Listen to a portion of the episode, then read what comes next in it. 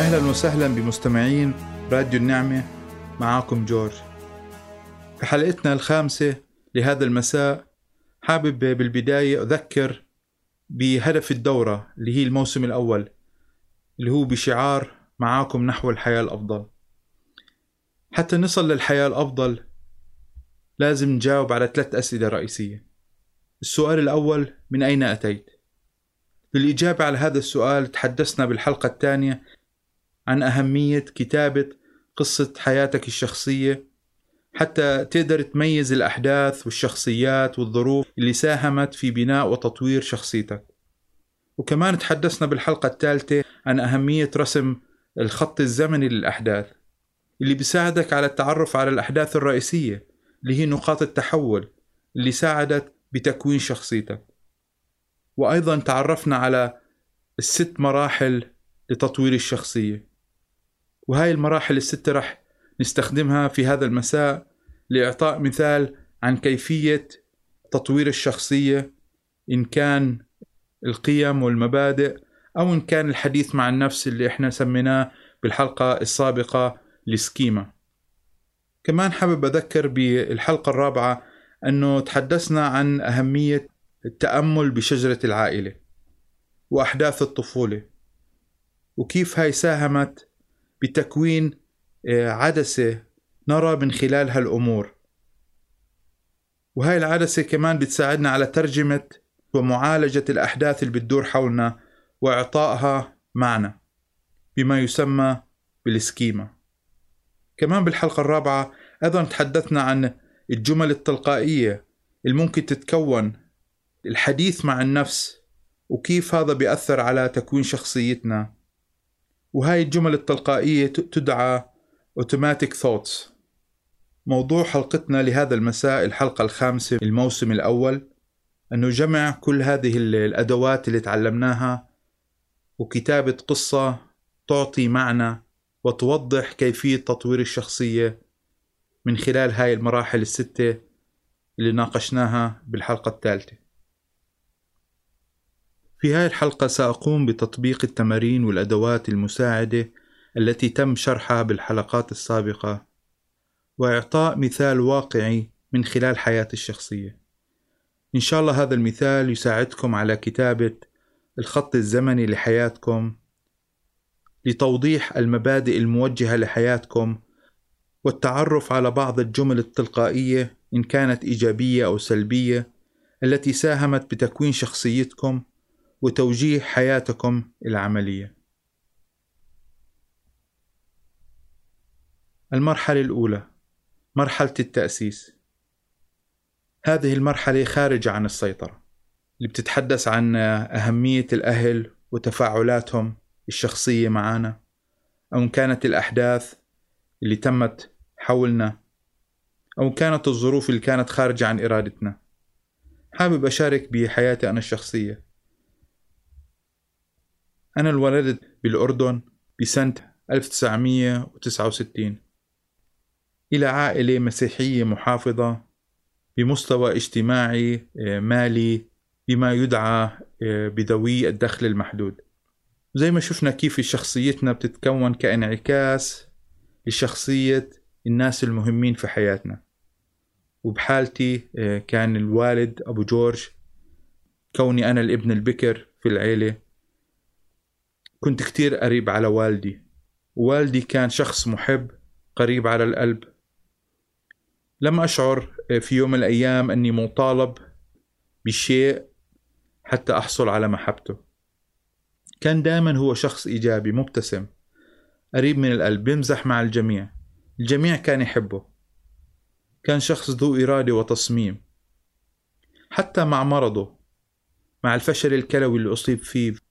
بعمر الثمانية وخمسين وبدأ يغسل كلى لفترة 8 سنوات أو حتى أكثر 12 سنة قبل وفاته حتى بسبب المرض ارتفاع ضغط الدم وتجلط الشرايين بسبب الأدوية الضغط اللي كان ياخذها تم بتر رجله ولكن ما استسلم. تعلم كيف يحط رجل صناعية وكيف واشترى سيارة لذوي الاحتياجات الخاصة وصار يسوقها بإيديه. وكان يروح دائما بعد التقاعد على الجمعية جمعية الدبابنة ويسهر ويقضي وقت مع المتقاعدين اللي بسنه في الجمعية يلعب الشدة أو طاولة الزهر إلى أن توفى. كان شخص دائما إيجابي فرحان دائما الابتسامة على وجهه وكان دائما قريب على قلب والناس دائما حواليه. حتى في جنازته آه، بتذكر آه، أتيحت لي الفرصة أني أشارك في الجنازة. وألقي تأمل بسيط عن الموت وعن وعن الاتكال على الله. كيف الموت أنه حق؟ كان تقريبا في 300 رجل آه، موجودين في كنيسة المقبرة. دائما كانت الناس تتذكره بابتسامته بإيجابيته نفس الشيء والدتي كانت امرأة محافظة بتحب الله. كانت دائما تقرأ بالكتاب المقدس ودائما تتأكد أنه إحنا نروح على الكنيسة يوم الأحد. وحتى ساعدتني آه، ودفعتني وشجعتني بأني, أكو بأني أخدم بالكنيسة كإحدى خدام الهيكل. كنت دائما أشوفها بتقرأ بالكتاب المقدس والإنجيل كانت مهتمة بالعلم والقراءة. كانت دائما تحثنا على الدراسة. كانت امرأة عقلانية متزنة غير عاطفية. وبحكي غير عاطفية بشكل إيجابي أنه دائما بتوزن الأمور وبتفكر وبتساعدنا أنه ما خد ما نأخذ الأمور بعصبية وعدم تفكير. كمان كانت هي من النوع الحكيمة ماديا. كنا دائما نمزح أنه كيف البابا بيجيب الفلوس و... وأمي ب... بتساعد بأنه وين تنصرف هاي الفلوس. كانوا الاثنيناتهم شغالين. والدي كان يشتغل في الحكومة. والدتي كمان كانت تشتغل في الحكومة بوزارة الصحة. كانت قابلة قانونية و... ومتعلمة. ممكن درجة تعليمها كانت أعلى آه، من درجة الوالد. دائما هي اللي كانت تدرسنا اللغة الإنجليزية واللغة الفرنسية. دائما تحثنا على الدراسة والإنجاز والتحصيل العلمي. كانت امرأة مستقلة آه، برأيها تعبر عن أفكارها آه، بشكل واضح. وما كانت تكترث كثيرا وتتأثر برأي الآخرين. كان دائما صوتها واضح ورأيها واضح. هلا من خلال هاي الشرح البسيط للعائلة وظروفي بطفولتي حابب أتحدث عن المبادئ اللي تكونت من خلال هاي الظروف اللي عشنا فيها. مبدأ أهمية الاجتهاد والمثابرة أنه بدون اجتهاد لا يوجد نجاح. أهمية العلم والتحصيل العلمي مبدأ الإرادة والتصميم للإنجاز وعدم الاستسلام. كمان مبدأ عدم الخوف من العزلة. بتذكر آه، أنه والدي كان يغيب آه، فترات طويلة بالشغل كان يشتغل في منطقة آه، بعيدة عن العاصمة عمان كان يغيب مرات بالأيام إذا مش بالأسابيع. كنت صغير كتير في السن. ونفس الشيء حتى والدتي أتيحت لها الفرصة أنها تروح مع الأمم المتحدة كممرضة إلى السودان. وغابت فترة سنة تقريبا في السودان في الخرطوم آه، بمستشفى ال United Nations الأمم المتحدة. بتذكر كمان بسبب بشغل والدتي كانت تشتغل في حيفا الحكي زمان يعني بالسبعينات. قضيت بعض السنوات في بلد السلط البلد اللي أنا منها عند مرت عمي إيه، بطفولتي. ممكن كمان هاي ساهمت آه، بالمبدأ عدم الخوف من العزلة. أو الابتعاد عن الناس اللي تحبهم أو الأهل.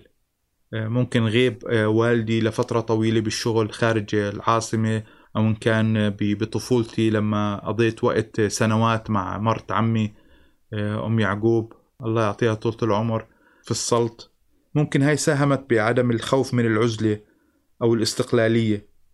اللي ساهمت برأيي بالمستقبل أني ما أخاف من أن أروح على أمريكا وكان عمري 19 سنة. آه، عمري ما طلعت من آه، من البلد. عمري ما نمت خارج البيت.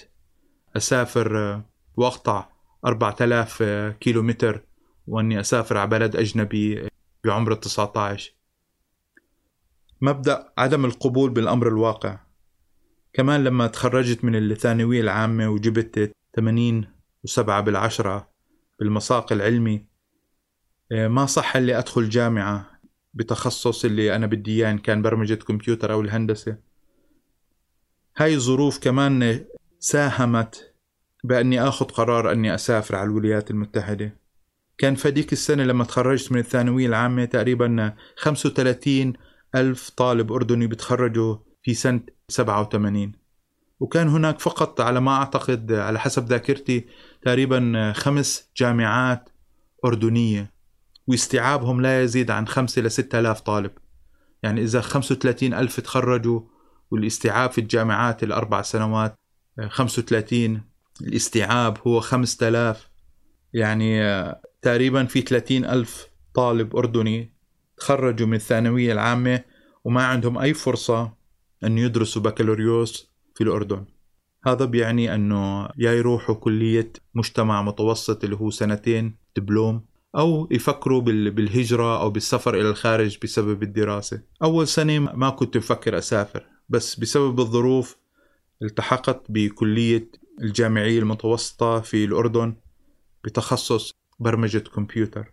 واستغليت هاي الفرصة هاي السنة كنت أبذل الجهد أني أحاول ألاقي بديل للسفر خارج الأردن لتحصيل درجة البكالوريوس. ممكن كمان هذا المبدأ العدم عدم القبول بالأمر الواقع. ساهم لسفري. كمان بحب أرجع بطفولتي إلى لعب الرياضة.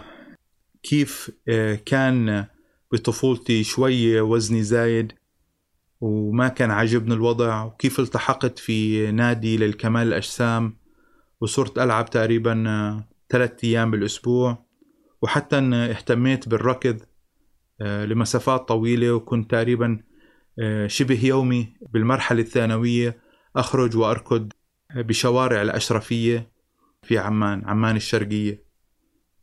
وبالفعل وزني نزل صحتي تحسنت صار عندي ثقة في النفس مما شكل وساعد بتشكيل شخصيتي اللي هي عدم قبول بالأمر الواقع وتحدي الواقع والسعي إلى تغييره. اللي ساهم أيضا في عدم قبول الأمر الواقع بأنه آه، ما انقبلت بالجامعات الأردنية وكنت أبحث عن بديل آه، وبالنهاية حصلت قبول آه، لعدة مناطق للكلية البحرية بمصر بالإسكندرية كضابط بحري أو إن كان دراسة اللغة الإنجليزية باليونان أو كمان حصلت قبول بجامعة هندسة بولاية أوهايو ببلد اسمه كليفلاند. طبعا تم الاختيار بأني أروح الولايات المتحدة كمان حابب أتحدث عن الجمل اللي ساهمت بتكوين شخصيتي اللي تحدثنا عنها بالحلقة السابقة اللي هي الجمل اللي بتتحدثها مع نفسك اللي ممكن تكون مصدر سلبي ومصدر إزعاج وتشويش في حياتك الشخصية. إحدى هذه الجمل اللي تكونت عندي بسبب الظروف والأحداث اللي مرقت فيها جملة المستقبل غير مضمون. ممكن بسبب الظروف المادية زائد بذل الجهد بالثانوية العامة وعدم تحصيل على قبول بالجامعات الأردنية. ساهموا بتكوين هاي الجملة. جملة تانية اللي هي النجاح يعطيك قيمة. والجانب الآخر أو الوجه الآخر من هاي الجملة عدم النجاح آه، ما بيعطيك قيمة أو بيقلل من قيمتك. اللي هاي اللي بتحث الواحد على أنه يشعر بإذا نجح إذا جاب معدل عالي إذا جاب آه، راتب عالي أو حصل تحصيل آه، علمي هذا بيعطيه قيمة. وإذا خسر هذا التحصيل أو ما نجح أو ما جاب المعدل المطلوب بأنه قيمته محدودة أو أو انعدمت. حتى تعامل الأهل ممكن يساهم بهذا الموضوع. إذا الأهل بيعاملوا طفلهم اللي بيجيب علامات كويسة بشكل كويس ومدح وإذا فشل آه، بإحدى هالامتحانات أو إحدى هالمواد أو آه، ما جاب معدل يناسب الأهل وبيعاملوه بطريقة سيئة أو آه، أو بذموه أو ما بيحترموه أو بيعاقبوه ممكن هاي الطريقة من التعامل تشكل عنده هاي الجملة الحديث مع النفس بأنه قيمته مرتبطة بنجاحه بتحصيله. اللي بتدفعه أنه أنه ينجز عشان يشعر بالأهمية ويشعر بالقيمة. كمان هاي ممكن تنعكس على حياتنا الروحية أيضا. إذا هاي جملة الحديث مع النفس هي موجودة عنا وصارت جزء من مبادئنا ومن شخصيتنا بنشعر أنه لازم ننجز لازم نعمل شغلات عشان عشان نحصل على علاقة مع الله. وأن الخالق بكون راضي عنا إذا إحنا عملنا وتعبنا واجتهدنا.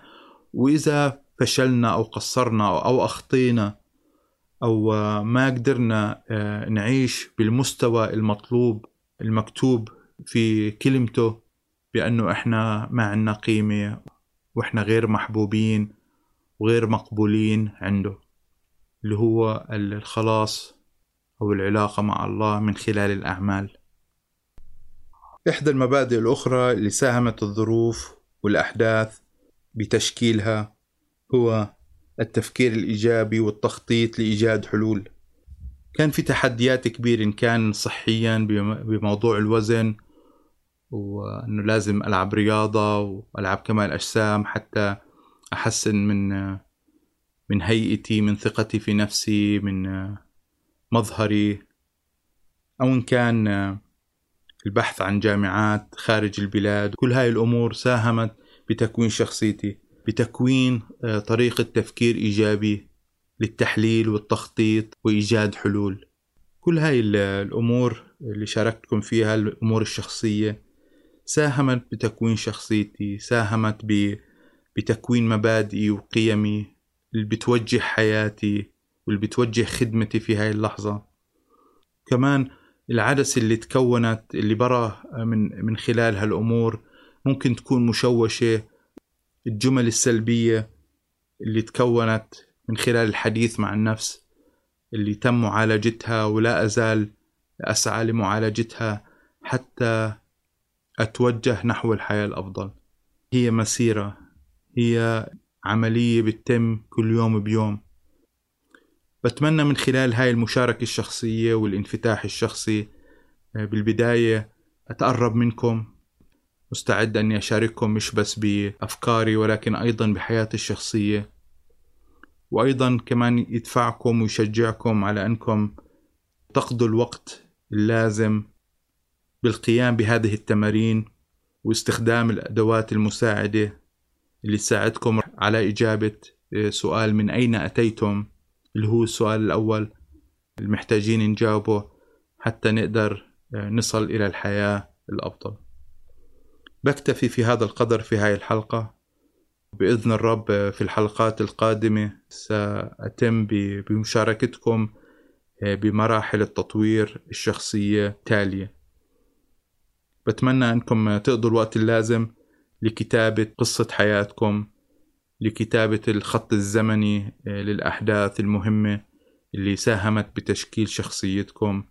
القيام بتحليل آه، هذه الأمور واستنتاج المبادئ المهمة بالنسبة لكم كمان تتعرف على الجمل السلبية اللي هي جزء من الحديث مع النفس اللي ممكن تأثر عليك وعلى قراراتك وعلى توجهاتك الشخصية.